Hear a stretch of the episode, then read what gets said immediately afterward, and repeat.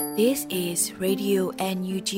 the voice of National Unity Government of Myanmar, broadcasting for Myanmar's Spring Revolution. Radio NUG is transmitting from shortwave 16 meter 17.79 megahertz at 8:30 a.m. and 25 meter 11.94 megahertz at 8:30 p.m. Myanmar Standard Time. မင်္ဂလာပါရှင်အမျိုးသားညီညွတ်ရေးအစိုးရရဲ့အတန်လွတ်ဌာနရေဒီယို NUG ကိုမန္တပိုင်း၈နိုင်ခွဲမှာလိုင်းတူ6မီတာ19.7ခွန်ကုန်းမဂါဟတ်စ်နဲ့ညပိုင်း၈နိုင်ခွဲမှာလိုင်းတူ25မီတာ17.6ကိုလီမဂါဟတ်စ်တို့မှာဓာတ်ရိုက်ဖမ်းယူနားဆင်နိုင်ပါပြီရှင်မင်္ဂလာအပေါင်းနဲ့ကြည့်ကြကြပါစို့အခုချိန်ကစပြီး Radio NUG စီစဉ်လေးကိုဓာတ်ရိုက်အတန်းနဲ့ပြင်နေပါပြီ မြန်မာနိုင်ငံသူနိုင်ငံသားအပေါင်းတဘာဝပေးဆရာနာရှင်ဘေးတို့ကနေကင်ဝေးပြီးကိုစိတ်နှပါဘေးကင်းလုံခြုံကြပါစေလို့ဗီဒီယို NUG အဖွဲ့သားများကဆုတောင်းမေတ္တာပို့သလာရပါတယ်။အခုပထမအဆုံးအနေနဲ့ကာကွယ်ရေးဝန်ကြီးဌာနရဲ့စီရေးသတင်းအကျဉ်းချုပ်ကိုတော့မောင်ကျူးကတင်ပြပေးမှာဖြစ်ပါတယ်ရှင်။မြို့သားညီညွတ်ရေးအစိုးရကာကွယ်ရေးဝန်ကြီးဌာနကထုတ်ပြန်တဲ့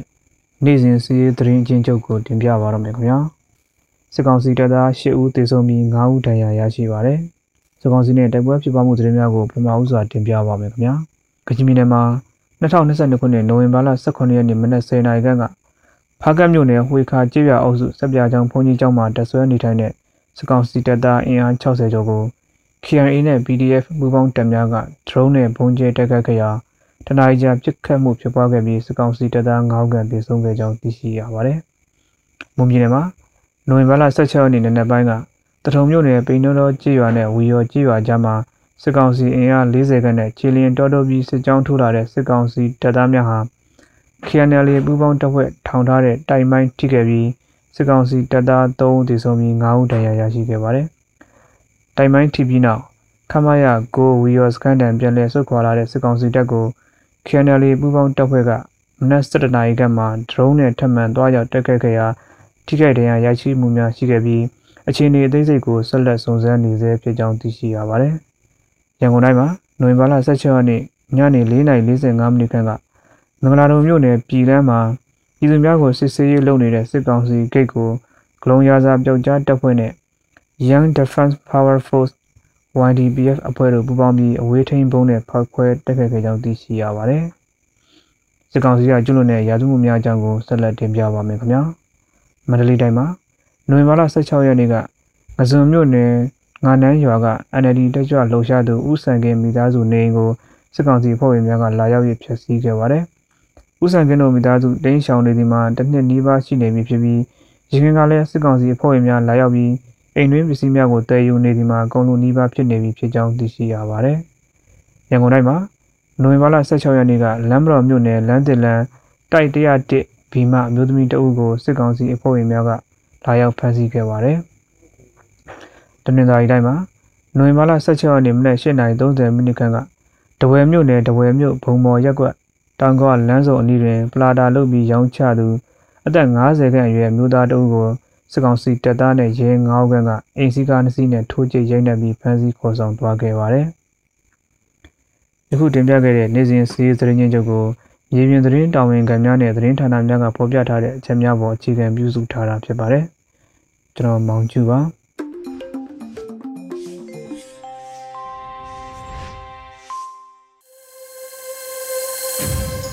အခုဆက်လက်ပြီး Radio NUG ရဲ့နောက်ဆုံးရသတင်းများကိုတော့မျိုးဦးမှမှဖတ်ကြားတင်ပြပေးမှာဖြစ်ပါတယ်ရှင်။မင်္ဂလာပါရှင်။ 2022ခုနှစ်နိုဝင်ဘာလ18ရက်နေ့ Radio NUG မနက်ခင်းပြည်တွင်သတင်းတွေကိုတင်ပြပေးသွားမှာပဲဖြစ်ပါတယ်။ကျွန်မကတော့ຫນွေဦးမွန်ပါ။မြန်မာပြည်မှာကိုလိုနီပညာရေးမရှိတော့ပေမဲ့စစ်ကြုံပညာရေးရဲ့အကျွမ်းကျန်တွေအများများရှိနေသေးတယ်လို့ယာယီသမရဒူဝါလက်ရှိလာပြောကြားလိုက်တဲ့အကြောင်းအရာကိုဥစွာတင်ပြပေးကြပါမယ်။မြန်မာပြည်မှာကိုလိုနီပညာရေးမရှိတော့ပေမဲ့စစ်ကြုံပညာရေးရဲ့အကျွင့်အကြံတွေအများများရှိနေသေးတယ်လို့ယာယီသမရဒူဝါလက်ရှိလပြောကြားလိုက်ပါတယ်။ နိုဝင်ဘာ18ရက်ကျင်းပတဲ့102နှစ်မြောက်မြို့သားအောင်ပွဲနေ့အခမ်းအနားမှာယာယီသမရဒူဝါလက်ရှိလကဆိုလိုက်တာပဲဖြစ်ပါတယ်။ကျွံပညာရေးဟာအကြောက်တရားကိုသွေးမှုသင်ကြားပါတယ်။ကျွန်းပညာရေးဟာငါနဲ့မတူငါရန်သူဆိုတဲ့သဘောထားကိုရိုက်သွင်းပါတယ်မတူကွဲပြားမှုမှာမတူညီသောစွမ်းရည်တွေခွန်အားတွေရှိတယ်ဆိုတာကိုမသိကြပါဘူးလက်ရှိမြန်မာပြည်မှာကိုလိုနီပညာရေးမရှိတော့ပေမဲ့စစ်ကျွန်းပညာရေးရဲ့အကျွင့်အကြံတွေအများများရှိနေပါသေးတယ်ကျွန်တော်တို့လူဖွဲ့စီကို ချင်းချင်းမညီမညွတ်ဖြစ်အောင်မုန်းတရားတွေကြီးထွားအောင်လုပ်နေတဲ့တွေးခေါ်ရိုက်သွင်းမှုတွေကိုတော်လန်ပဲဖြတ်ကြဖို့လိုနေပါတယ်လို့ဆိုပါတယ်လက်ရှိမှာအာနာသိန်းစေအုပ်စုက၎င်းတို့ကိုထောက်ခံတဲ့ပညာသင်ကြားရေးစနစ်ကိုစာသင်ကျောင်းခန်းများအတွင်းသို့စနစ်တကျထည့်သွင်းလျက်ရှိနေပါတယ်ရှင်။ ဖရယ်ဒီမိုကရေစီနိုင်ငံတော်သည့်တည်ဆောက်ရေးအတွက်မြို့သားရေးစိတ်ဓာတ်များမြင့်တင်ပြီးအာဏာရှင်ကြဆုံးရေးအတွက်ကြိုးပမ်းသွားရအောင်မှာဖြစ်တယ်လို့ပြည်ထောင်စုလွှတ်တော်ကိုစားပြုကော်မတီဥက္ကဋ္ဌဦးအောင်ကြီးညွတ်ပြောကြားတဲ့အကြောင်းအရာကိုဆက်လက်တင်ပြပေးပါမယ်။ဖရယ်ဒီမိုကရေစီနိုင်ငံတော်သည့်တည်ဆောက်ရေးအတွက်မြို့သားရေးစိတ်ဓာတ်များမြင့်တင်ပြီးအာဏာရှင်ကြဆုံးရေးအတွက်ကြိုးပမ်းသွားရအောင်မှာဖြစ်တယ်လို့ပြည်ထောင်စုလွှတ်တော်ကိုစားပြုကော်မတီဥက္ကဋ္ဌဦးအောင်ကြည်ညွန့်ကပြောကြားလိုက်ပါတယ်။နွေမ19ရက်တရားနှစ်နှစ်မြောက်မြို့သားအောင်မွေးနေ့အထိမ်းအမှတ်နေ့အခမ်းအနားမှာ ပြည်ထောင်စုလွှတ်တော်ကိုစားပြုကော်မတီဥက္ကဋ္ဌဦးအောင်ကြည်ညွန့်ကဆိုခဲ့တာပါ။တချိန်ကမိမိတို့ဘိုးဘွားများကမြို့သားရေးစိတ်ဓာတ်နဲ့နိုင်ငံလွတ်လပ်ရေးကိုရယူပေးခဲ့နိုင်ခဲ့တယ်လို့ခုခါမှာလည်း Federal Democracy နိုင်ငံတော်သည့်တည်ဆောက်ရေးအတွက်မြို့သားရေးစိတ်ဓာတ်များမြင့်တင်ပြီးအာဏာရှင်ကြာဆုံးရေးအတွက်ကြိုးပမ်းသွားရအောင်မှာဖြစ်ပါတယ်။ခုခါလူဒေါ်လာရေးဟာလည်းပဲနိုင်ငံနဲ့လူမျိုးကိုချစ်တဲ့မျိုးချစ်ပုဂ္ဂိုလ်များအတွက်မျိုးသားရေးစိတ်ဓာတ်များနိုင်ငံတော်ဝန်မှနိုးကြားလာစီခဲ့ပါတယ်လို့ဆိုပါတယ်။ ပြည်ထောင်စုလွှတ်တော်ကုစားပြုကော်မတီအနေနဲ့ပြည်ထောင်စုဘညီနောင်တိုင်းရင်းသားတော်လှန်ရေးအင်အားစုများလူတော်လှန်ရေးအင်အားစုများနဲ့အတူပြည်သူကပေးအပ်ထားတဲ့တာဝန်များအရအာဏာရှင်စနစ်အမြန်ဆုံးကြာဆုံးရေးနဲ့တိုင်းရင်းသားပြည်သူအလုံးလိုလားတဲ့အေဂျင့်သားရသော Federal Democracy နိုင်ငံတည်ဆောက်သွားနိုင်ရေးအတွက်လွှတ်တော်ခန္ဓာကနေဆက်လက်ကြိုးပမ်းသွားမယ်လို့ဥက္ကဋ္ဌဦးအောင်ချင်းညွန့်ကဆိုပါတယ်ရှင်။ပြည်ပဆိုင်ရာမသွန်ဆန်းသူများနဲ့အထိမ့်မဲ့ပြိုင်ပွဲများအတွက်ပြိုင်ပွဲဝင်များဖိတ်ခေါ်တဲ့ အကြောင်းအရာကိုလည်းတင်ပြပေးချင်ပါတယ်။ပြည်ပဆိုင်ရာမတန်ဆွမ်းသူများနဲ့အထိမ့်မဲ့ပြိုင်ပွဲများအတွက်ပြိုင်ပွဲများဖိတ်ခေါ်လိုက်ပါတယ်။နိုဝင်ဘာ19ရက်မှာမြို့သားညီညွတ်ရေးအစိုးရလူသားချင်းစာနာထောက်ထားရေးနဲ့ဘေးအန္တရာယ်စီမံခန့်ခွဲရေးဝန်ကြီးဌာနကဖော်ပြအသိပေးပါတယ်။ပြိုင်ပွဲဝင်ဖို့ယာယီသို့မဟုတ်အမြဲတမ်းမတန်ဆွမ်းဖြစ်မှုအပါအဝင်မြည်သည့်မတန်ဆွမ်းသူမဆိုဝင်ရောက်ရှင်ပြိုင်နိုင်ပြီးပထမစုကျပ်ငွေ3သိန်းဒုတိယစုကျပ်ငွေ2သိန်းကျပ်တတိယစုကျပ်ငွေ3သိန်းတို့ပေးအပ်ချီးမြှင့်သွားမှာပဲဖြစ်ပါတယ်။ပြန်ပွဲမျိုးစာမှာ 1ကြပြယာယီသို့မဟုတ်အမြဲတမ်းမတန်ဆွမ်းသူများဝင်ရောက်ရှင်ပြရန်2ကာတိုယာယီသို့မဟုတ်အမြဲတမ်းမတန်ဆွမ်းသူများဝင်ရောက်ရှင်ပြရန်3ပကြီးညရင်မတန်ဆွမ်းသူများသာဝင်ရောက်ရှင်ပြရန်၄ဆောင်းမတို့ယာယီသို့မဟုတ်အမြဲတမ်းမတန်ဆွမ်းသူများဝင်ရောက်ရှင်ပြရန်၅ဝိထုတို့ယာယီသို့မဟုတ်အမြဲတမ်းမတန်ဆွမ်းသူများဝင်ရောက်ရှင်ပြရင်တို့ပဲဖြစ်ပါတယ်။နောက်ဆုံးပေးပို့ရမယ့်ရက်စွဲမှာဒီဇင်ဘာလ29ရက် 2022ခုနှစ်မြန်မာစံတော်ချိန်ညနေ4နာရီဖြစ်ပြီးတော့ပြိုင်ပွဲအချက်လက်ပေးပို့ရလိပ်စာတွေကတော့ IDPD 2022MYANMAR@gmail.com email တို့၎င်း Viber နံပါတ် +66855373489 တို့၎င်း Signal နံပါတ် +66855373489 တို့ပဲဖြစ်ပါတယ်ရှင် စစ်တပ်ရဲ့လှုပ်ဆောင်ချက်များကိုပြပြဝဝဖြည့်ရှင်းပေးနိုင်တဲ့အခြားသောအဆိုအမူချမ်းတစ်ခုအားကုလသမဂ္ဂအထွေထွေညီလာခံအနေနဲ့အားဖြည့်ပံ့ပိုးပေးတဲ့တယ်လို့ NGO နိုင်ငံသားရေးဝန်ကြီးဌာနထုတ်ပြန်တဲ့အကြောင်းအရာကိုဆက်လက်တင်ပြပေးကြပါမယ်။စစ်တပ်ရဲ့လှုပ်ဆောင်ချက်တွေကိုပြပြဝဝဖြည့်ရှင်းပေးနိုင်တဲ့အခြားသောအဆိုအမူချမ်းတစ်ခုကိုကုလသမဂ္ဂအထွေထွေညီလာခံအနေနဲ့အားဖြည့်ပံ့ပိုးပေးတဲ့တယ်လို့ NGO နိုင်ငံသားရေးဝန်ကြီးဌာနကထုတ်ပြန်လိုက်ပါတယ်။မြန်မာ19ရက်မြို့သားညီညွတ်ရေးအစိုးရနိုင်ငံသားဝန်ကြီးဌာနကမြန်မာနိုင်ငံရှိရိုဟင်ဂျာမွတ်စလင်များနဲ့ အခြားလူနည်းစုများရဲ့လူခွင့်ရေးဆိုင်ရာအဆိုအမူကြမ်းအားအတည်ပြုခြင်းနဲ့ဆက်လင်းတဲ့သတင်းထုတ်ပြန်ချက်တရက်ကိုထုတ်ပြန်ခဲ့ပါတယ်။ပြည်ထောင်စုသမ္မတမြန်မာနိုင်ငံတော်မြို့သားညီညွတ်ရေးအစိုးရအနေဖြင့်2022ခုနှစ်နိုဝင်ဘာလ16ရက်နေ့တွင်ကျင်းပပြုလုပ်သော89ကြိမ်မြောက်ကုလသမဂ္ဂအထွေထွေညီလာခံ၏တတိယကော်မတီအစည်းအဝေး၌မြန်မာနိုင်ငံရှိရိုဟင်ဂျာမွတ်စလင်များနှင့်အခြားလူနည်းစုများ၏လူခွင့်ရေးဆိုင်ရာအဆိုအမူကြမ်းအားအတည်ပြုခဲ့ခြင်းသည့်ပေါ်ကြိုးဆိုပါသည်ထို့အတူအဆိုပါအဆိုအမူကြမ်းအားအစဉ်တစိုက် ဦးဆောင်ဦးရွက်ပြုလျက်ရှိသောဥရောပသမဂ္ဂနှင့်အစ္စလမ်ပူးပေါင်းဆောင်ရွက်ရေးအဖွဲ့အစည်းတို့မှအဖွဲ့ဝင်နိုင်ငံများအားကျေးဇူးတင်ရှိပါတယ်လို့ဖော်ပြထားပါတယ်။ဖော်ပြမှာတည်ပြုခဲ့တဲ့အဆိုအမူကြမ်းမှာရိုဟင်ဂျာနဲ့အခြားလူနည်းစုတွေပေါ်အလေးထားတဲ့စာသားတွေကိုအဓိကဖော်ပြထားပြီးတော့၎င်းတို့ပေါ်မြန်မာစစ်တပ်မှတပ်ဖွဲ့ဝင်များနဲ့လုံခြုံရေးတပ်ဖွဲ့ဝင်များခုခတရားမဝင်အာဏာသိမ်းစေအုပ်စုမှရခိုင်ကားနဲ့အခုတိုင်းကျူးလွန်လျက်ရှိတဲ့ကြီးလေသောလူခွင့်ရေးချိုးဖောက်မှုတွေကိုပြင်းထန်စွာကန့်ကွက်ရှုတ်ချထားပါတယ်။အဓိကအားဖြင့်၎ င်းအဆိုမှုချက်မှာရိုဝင်ဂျာများနဲ့အခြားလူနည်းစုများရဲ့အခြေခံခွင့်ရများကိုထပ်လောက်အတည်ပြုထားတယ်လို့ဆိုပါတယ်။ယခုတည်ပြုခဲ့သည့်အဆိုမှုချက်အပြင်မြန်မာပြည်သူများနဲ့ဒေသတွင်ပေါ်ကြီးမားကျယ်ပြန့်သောဆိုးကျိုးတရားမှုရှိစေတဲ့စစ်တပ်ရဲ့လှုပ်ဆောင်ချက်တွေကိုပြပြဝဝဖြည့်ရှင်းပေးနိုင်မဲ့ခြားသောအဆိုမှုချမ်းတစ်ခုကိုကုလသမဂ္ဂထွေထွေညီလာခံအနေနဲ့အားဖြည့်ပံ့ပိုးပေးသင့်ပါတယ်။၎င်းအဆိုမှုချမ်းအသစ်တွင်နိုင်ငံတကာအတိုင်ဝန်းထံမှထိရောက်သောလှုပ်ဆောင်ချက်များကိုပုံမတောင်းဆိုကာမြန်မာနိုင်ငံအတွင်းရှိ တိုင်ဝမ်အားလုံးကိုကာကွယ်ပေးနိုင်ပြီးပြည်သူများလူလားတောင်းတတဲ့ဒီမိုကရေစီစနစ်ကိုဖော်ဆောင်ပေးရေးနဲ့ရာဇဝတ်ဆရာနာရှင်အားချုပ်ငြိမ်းရေးတို့ကိုတောင်းဆိုတဲ့စာသားများအဓိကပါဝင်သင့်တယ်လို့မြို့သားညီညွတ်ရေးအစိုးရအနေနဲ့ရှုမြင်ပါတယ်လို့နိုင်ငံခြားရေးဝန်ကြီးဌာနကထုတ်ပြန်ပါတယ်ရှင်။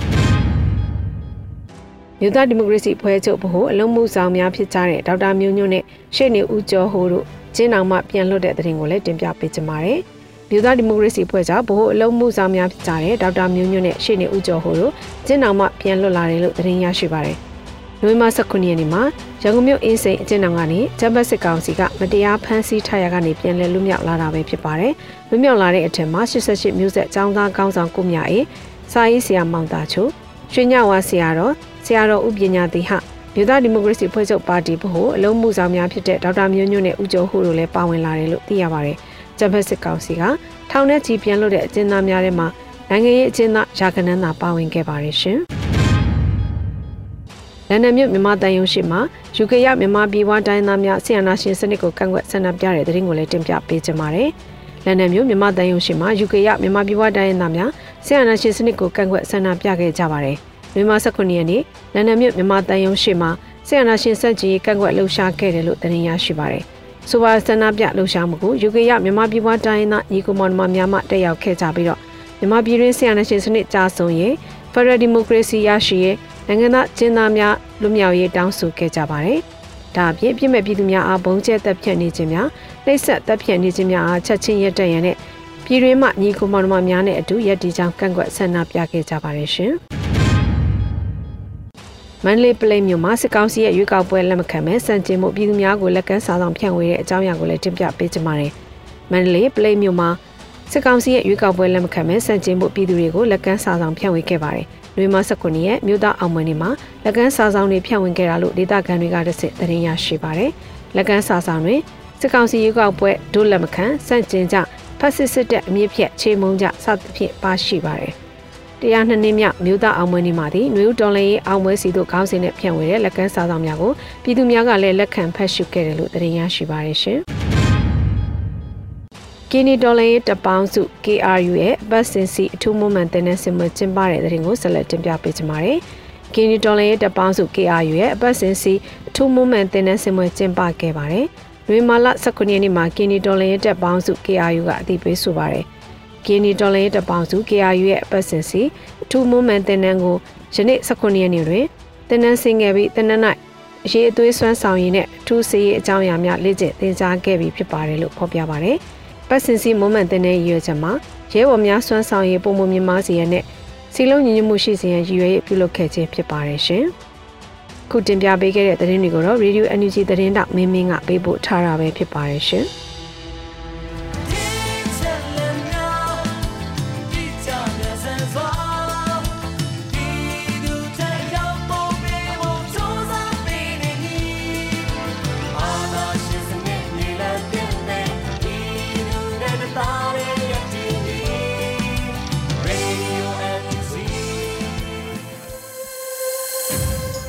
ရေဒီယိုအန်ယူဂျီမှဆက်လက်အသံလွှင့်ပေးနေပါတယ်။အခုတခါတော်လိုင်းရေးနည်းပညာဖြစ်တဲ့ Digital Liberation နဲ့ပတ်သက်တဲ့အကြောင်းအရာတွေကိုတင်ပြပေးတော့မှာဖြစ်ပါတယ်ရှင်။တိတ်လုံးကြုံမိထင်နေတဲ့ပေါ်။ကိုင်တော့ရိုးရိုးဖုန်းနဲ့မဆက်နဲ့ကွာ။အေးစစ်ပါကွာမင်းကလည်းကြောက်နေကြတယ်။ဘာခွေးစီရမလဲမင်း EA ကိစ္စကိုသိပြီလား။ဟမ်ဘာကြီးလဲ။ဟေးပြောလိုက်ဘာကြီးလဲဘာကြီးလဲမင်းဘာမှသိရမှာမဟုတ် အာဏာယူတွေက ငါတို့စိန်ကပ်ဝယ်တော့ထည့်ခဲ့တဲ့ဟာတွေကိုတနိုင်ငံလုံးတိုင်းတာနဲ့စင်းပြဆိုတာပြီးပြီတဲ့ မင်းမဘာပေးခဲ့လဲ မှတ်မိဘူးလား မင်းနာမည်ကနေစပြီးတော့ မင်းနေရဲ့နေရာ မှတ်ပုံတင်နံပါတ် မင်းရဲ့မွေးနေ့ မင်းဖေနာမည်တားမ လူမျိုး ပြီးတော့ မင်းရဲ့ email Facebook ကောင်လည်း ပေးရသေးတယ် မင်းမမိမရှိမရှိ ကလေးရှိမရှိ မင်းဘာလို့လုပ်လဲ မင်းဘယ်နဲ့တန်းအောင်လဲ မင်းဘာတွေစိတ်ဝင်စားလဲဆိုတာအကုန်လုံး မင်းပေးခဲ့ရလေမင်းညာဟာ အေး ပေါ့ပေါ့လေးနေနေအရင်တော့ကတော့ ထားပါတော့ မင်းက origin သုံးတယ်ဆိုရှင် မင်းဖြည့်ခဲ့တဲ့ဟာတွေ origin တို့ကပဲသိတယ် အေးခုမင်းရောငါရောပါဝင်လူ52တန်းလုံးရဲ့အချက်လက်တွေအကုန်လုံးကို database တစ်ခုထဲမှာစုပြီးတော့တင်ထားကြတွေးကြည့်ပါအဲ့အချက်လက်တွေဘယ်သူလက်ထဲမှာရှိမလဲဆိုတော့ငါတို့က share plan နဲ့စောင့်ကြည့်ခံရတော့မှာကြည့်လဲဘာမှမရှိပါဘူးကွာဘာလို့ဘာမှမရှိရမှာလဲကွာမင်းတစ်ပေါ်အလုံးဘာလို့လို့ဘယ်သွားသွားနော်မင်းကောင်းပေါ်ကနေခုတ်ခွာထားပြီးမင်းကြည့်နေမှာနားလေလားကြည့်ကြဘာမှမရှိဘူးဆိုရှင်မင်းငါ့ကိုခု password ဖွင့်မှာမင်းဖုန်း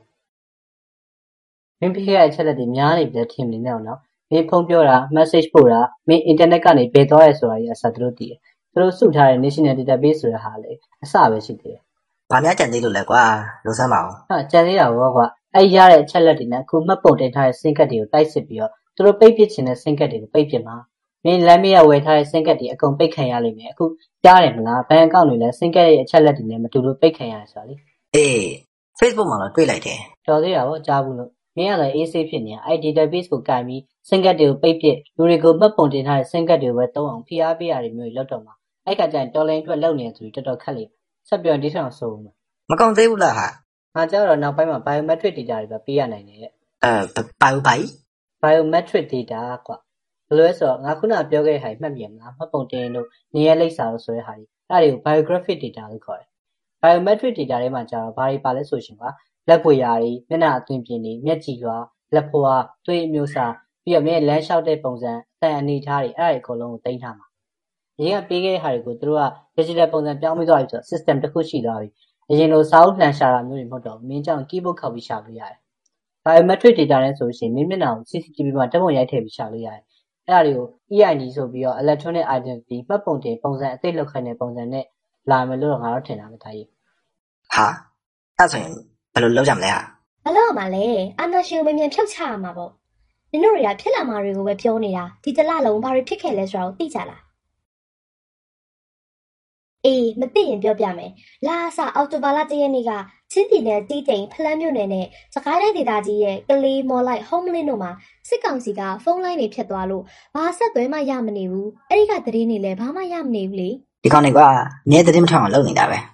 ပြီးတော့လေးရက်နေ့ကျတော့လေကချင်ပြည်နယ်ဗမာမြို့နယ်မှာဖြတ်တယ်။အဲ့ဒီမှာကျတော့အင်တာနက်လိုင်းတွေဖြတ်တာမဟုတ်ဘူးနော်။ဖုန်းလိုင်းမှာဖြတ်ပစ်ခဲ့တာ။ခုနှစ်ရက်နေ့မှာကျတော့စကိုင်းတိုင်းဒေသကြီးကောလင်းမှာချက်ဖြတ်တယ်။ကိုရက်နေ့ကျတော့ချင်းပြည်နယ်မတူပီမြို့နယ်ပလက်ဝမြို့မှာဖြတ်ပစ်ပြန်တယ်။ချင်းပြည်နယ်မှာဟာခါလွဲပြီးတော့ကျန်တဲ့မြို့တွေကိုအင်တာနက်ဖြတ်ထားတာကြားလာနေပြီ။အဲ့ဒါရင်လို့သိလား။တော်တော်များနေရာတွေဖြတ်ထားတာပဲ။အဲ့တော့စင်းတွေထွက်လာကြည့်မလားငါတွေးမိလိုက်ဆိုပဲ။အေးဟုတ်တယ်။ဒါတွေမကသေးဘူးနော်။ အော်တိုဘာလ10ရက်နေ့တုန်းကလည်းကချင်ပြည်နယ်ချီဖွေဒေသမှာ MPT ဖုန်းလိုင်းတွေဖြတ်ခံခဲ့ရတယ်။29ရက်နေ့မှာကျတော့စကိုင်းနယ်ဒေသကြီးပလဲမြို့နယ်မှာမနက်ပိုင်းကတည်းကဖုန်းလိုင်းတွေဖြတ်ခံချရတယ်။ဒီကောင်တွေတစ်ခုခုလောက်တော့မယ်ဆိုရင်အဲ့ဒီနေရာကိုအဆက်အသွယ်တွေဖြတ်ပစ်တယ်။အထက်မှာဖြစ်နေရတွေကိုဘာမှမသိရဘူး။ပြီးတော့အော်တိုဘာလ18ရက်နေ့က Freedom on the Net report ထွက်လာတာနင်တို့တွေ့လိုက်သေးလား။အဲ့ဒီ report ထဲမှာငါတို့မြန်မာနိုင်ငံကအမှတ်တရပေးတာ12မှတ်ပဲရတယ်။ ငါတို့ရဲ့ internet လွတ်လပ်ခွင့်ကလုံးဝကိုရစရာရှိမနေဘူး။ဟိုးမြောင်းနဲ့ရောက်နေပြီ။နင်တို့ကဘာလုပ်နေရလဲ။အဲ့ဒီစကားပဲများမနေနဲ့။သွားသွားသွားကလစ်ကြသွား။လုံခြုံပြီလား။လုံခြုံပြီလား။လုံခြုံပြီလား။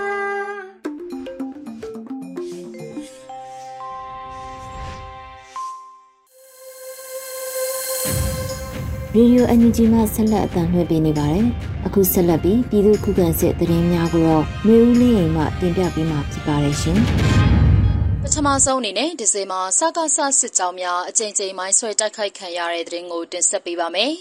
။စကိုင်းတိုင်းဒဇယ်မြို့နယ်မှာစစ်တပ်စစ်ကြောင်းအကြိမ်ကြိမ်မိုင်းဆွဲတိုက်ခိုက်ခံရကြောင်း LPDF တပ်ဖွဲ့ဝင်တအုပ်ကဆိုပါရယ်။ နိုဝင်ဘာလ16ရက်နေ့ မွန်းလွဲ2နာရီခန့်နဲ့3နာရီခန့်မှာ အင်အား130ခန့်ပါဝင်တဲ့ စစ်သားနဲ့ပြူစောထီတွေကို ဒေသခံကာကွယ်ရေးတပ်ဖွဲ့တွေက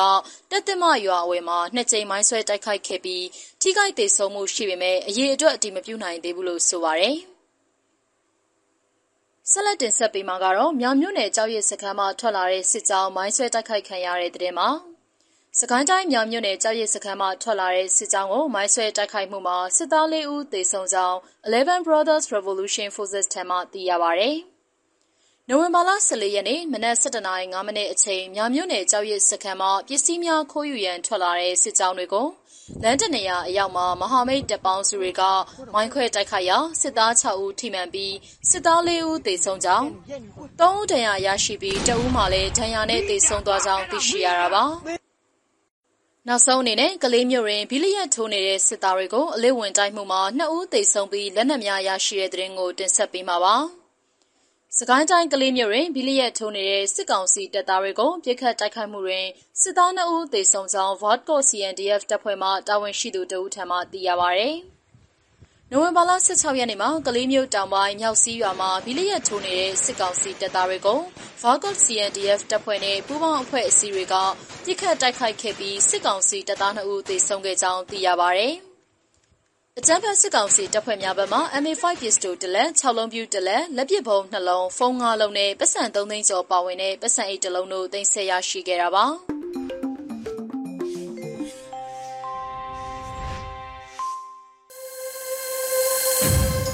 ပြည်သူ့ခုခံစစ်တရင်များအပြီးမှာတော့ PPTV ရဲ့နေ့စဉ်တရင်များကိုတထက်အင်ဒရာအောင်ကဖတ်ကြားတင်ပြပေးမှာဖြစ်ပါတယ်ရှင်။ပထမဆုံးတင်ဆက်ပေးမှာကတော့ကျန်းဘတ်စစ်ကောင်စီကအယက်သားပြည်သူတွေကိုအစုလိုက်ပြုံလိုက်တပ်ဖြတ်မှုစတိုက်လုပ်နေတဲ့အပေါ်လက်စားချေမယ်လို့အေအေကထပ်မံအသိပေးလိုက်တဲ့သတင်းမှာ အကြမ်းဖက်စစ်ကောင်စီတပ်ကလက်နက်ကြီးနဲ့ပစ်ခတ်လို့ရခိုင်ပြည်နယ်မောင်တော်နဲ့ကြောက်တော်မြို့နယ်ကပြည်သူ14ဦးထပ်မံတိစုံခဲ့ရမှာရင်းလုံရဲ့အပေါ်လက်စားချေမယ်လို့ရခိုင်တပ်တော် AA ကသတင်းထုတ်ပြန်ခဲ့ပါတယ်။မနေ့ကနိုဝင်ဘာ16ရက်မှာအကြမ်းဖက်စစ်ကောင်စီတပ်ကလက်နက်ကြီးနဲ့ပစ်ခတ်လို့ကြောက်တော်မြို့နယ်ချောင်းတူရွာကပြည်သူ3ဦးသေဆုံးပြီး3ဦးဒဏ်ရာရရှိခဲ့ပါတယ်။ တစ်ချိန်တည်းမှာပဲမောင်တော်မြို့နယ်ဂျိုချောင်းရွာကိုလက်နက်ကြီးနဲ့စစ်ကောင်စီတပ်ကပစ်ခတ်ခဲ့လို့ကလေးကင်မွန်တပ်ဖွဲ့ကျင်းပနေတဲ့ပွဲမှာကလေးငယ်အပါအဝင်ပြည်သူ12ဦးအစုလိုက်ပြုံလိုက်တေဆုံးပြီး20ကျော်ဒဏ်ရာရရှိခဲ့တယ်လို့အေအေကထုတ်ပြန်ခဲ့ပါတယ်။အကြမ်းဖက်စစ်ကောင်စီတပ်ဟာတိုက်ပွဲဖြစ်ပွားမှုမရှိဘဲပြည်သူတွေကိုပြစ်မှတ်ထားတိုက်ခိုက်နေတာဖြစ်ပြီးတော့အကြမ်းဖက်စစ်ကောင်စီလက်ချက်ကြောင့်တေဆုံးသွားတဲ့ပြည်သူတွေအတွက်ဝမ်းနည်းကြောင်းအေအေကထုတ်ပြန်ခဲ့ပါတယ်။ ပြည်သူလူထုအပေါ်စန့်ကျင်ကျူးလွန်တဲ့ဆရာဆွဲမှုတွေမှာပါဝင်ကျူးလွန်သူတွေကိုမဖြစ်မနေလက်စားချေသွားမယ်လို့အေအေကမနေ့ကထုတ်ပြန်ခဲ့တာပါအကြမ်းဖက်စစ်ကောင်စီတပ်ဟာနိုဝင်ဘာ10ရက်နေ့မှာပုံနာကျွန်းမြို့နယ်ကပြည်သူ9ဦးထပ်မံကိုအစုလိုက်အပြုံလိုက်တပ်ဖြတ်ခဲ့ရာအဲ့ဒီတုန်းကလည်းအကြမ်းဖက်စစ်ကောင်စီရဲ့လုပ်ရက်အပေါ်အမြန်ဆုံးပြင်းထန်စွာလက်စားချေတုံ့ပြန်မယ်လို့အေအေကထုတ်ပြန်ခဲ့ပါသေးတယ်။ ရခိုင်ပြည်အတွင်းမြေပြင်တိုက်ပွဲတွေမှာအထိခိုက်အကြဆုံးများပြားပြီးတော့အဖက်ဖက်မှာရိုးရင်းပျက်စီးနေတဲ့စိတ်တက်ပြက်ပြားနေတဲ့အကြမ်းဖက်စစ်ကောင်စီဟာအပြစ်မဲ့အယက်သားပြည်သူတွေနေထိုင်တဲ့ခြေရွာတွေလူနေအိမ်တွေကိုဥတီပြီးတော့လက်နက်ကြီးတွေနဲ့ပစ်ခတ်တိုက်ခိုက်တာတိုက်လေရင်တွေတိုက်ခိုက်ရေး drone တွေအသုံးပြုပြီးတော့လေကြောင်းကနေပုံကျဲတိုက်ခိုက်တာတွေကိုနေ့စဉ်ရက်ဆက်ပြုလုပ်နေပါတယ်။ အကြမ်းဖက်စစ်ကောင်စီဟာစစ်ပွဲအတွင်းလိုက်နိုင်ရမယ့်နိုင်ငံတကာဥပဒေတွေကိုချိုးဖောက်ပြီးတော့စစ်ရာဇဝဲမှုတွေလူသားမျိုးနွယ်အပေါ်ပြစ်မှုကျူးလွန်တာတွေကိုပါနေ့စဉ်ရက်ဆက်ပြောင်ပြောင်တင်တင်ကျူးလွန်ဖောက်ဖျက်လျက်ရှိတယ်လို့လည်း EE ကထုတ်ပြန်ထားပါတယ်။အခုနောက်ဆုံးအနေနဲ့မြန်မာနိုင်ငံတော်ဝန်ကလူမျိုးပေါင်းစုံဘာသာပေါင်းစုံပါဝင်တဲ့ဆရာနာရှင်အမြင့်ပြည့်ချေပုံရေးလူမှုဆန္ဒပြပွဲတည်တွေကိုစုစည်းတင်ဆက်ပေးပါတော့မယ်။ စကိုင်းတိုင်းမုံရွာမြို့နယ်တော်လှန်လူငယ်တွေကတရားနှစ်နှစ်ပြည့်အမျိုးသားနေ့အောင်ပွဲကိုဂုဏ်ပြုရင်းဆရာနာရှင်စန့်ကြီးလှုပ်ရှားမှုကိုပြုလုပ်ခဲ့ပါတယ်။အဆိုပါလှုပ်ရှားမှုကိုတော့မုံရွာအမြင့်လန်းတပိတ်ဦးဆောင်ကော်မတီနဲ့မုံရွာလူထုတပိတ်တိုက်ပွဲဦးဆောင်ကော်မတီတို့ပူးပေါင်းပြီးကျောင်းသားတို့အားဖြင့်စစ်ကြောပညာရေးကိုမြေမြုပ်ကြဆိုတဲ့စကားကိုကင်ဆောင်ပြီးတော့ချီတက်ဆန္ဒပြခဲ့တာပါ။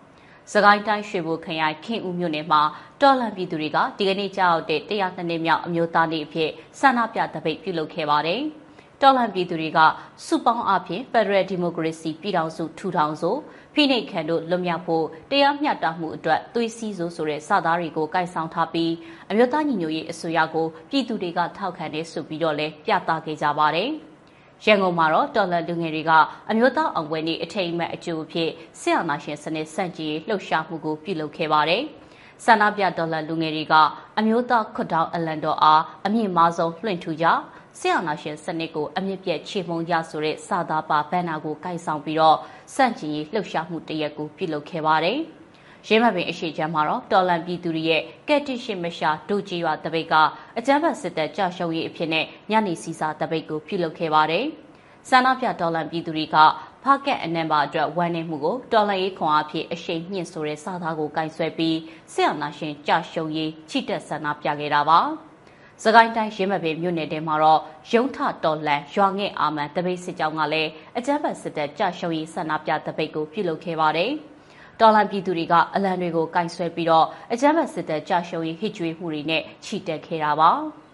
ရင်းမပင်မြို့နယ် ရွှေရွယ်သွေးတပိတ်စစ်ကြောင်းက956ရက်မြောက်အဖြစ်ဆရာနာရှင်စက်ကြီးဆန္ဒပြတပိတ်ကို ပြုလုပ်ခဲ့ပါတယ်။ဆန္ဒပြဒေါ်လာပြည်သူတွေကចောင်းသားတူအားဖြင့် စစ်ကြောပညာရေးကို မြေမြုပ်ကြဆိုတဲ့စသားကိုကင်ဆယ်ပြီးတော့ ချီတက်ခဲ့တာပါ။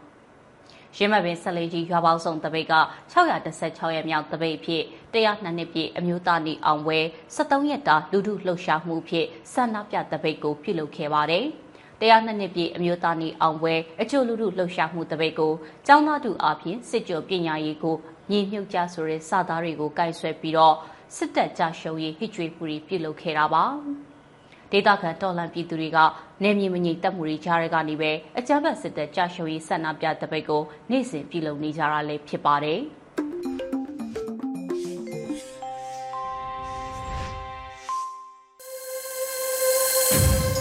ရေဒီယိုအန်ယူဂျီရဲ့နောက်ဆုံးအစီအစဉ်အနေနဲ့တော်လန်ရေးတီးဂီတအစီအစဉ်မှာတော့ဘူဆန်ဖဲနဲ့အဖွဲ့သားများရေးသားပြီးတော့ ချစ်ဖြိုးတည်ဆူထားတဲ့စကိုင်းသားတို့အာမန်လို့အမည်ရတဲ့တော်လန်ရေးတီးဂီတကိုနားဆင်ကြရတော့မှာဖြစ်ပါတယ်ရှင်။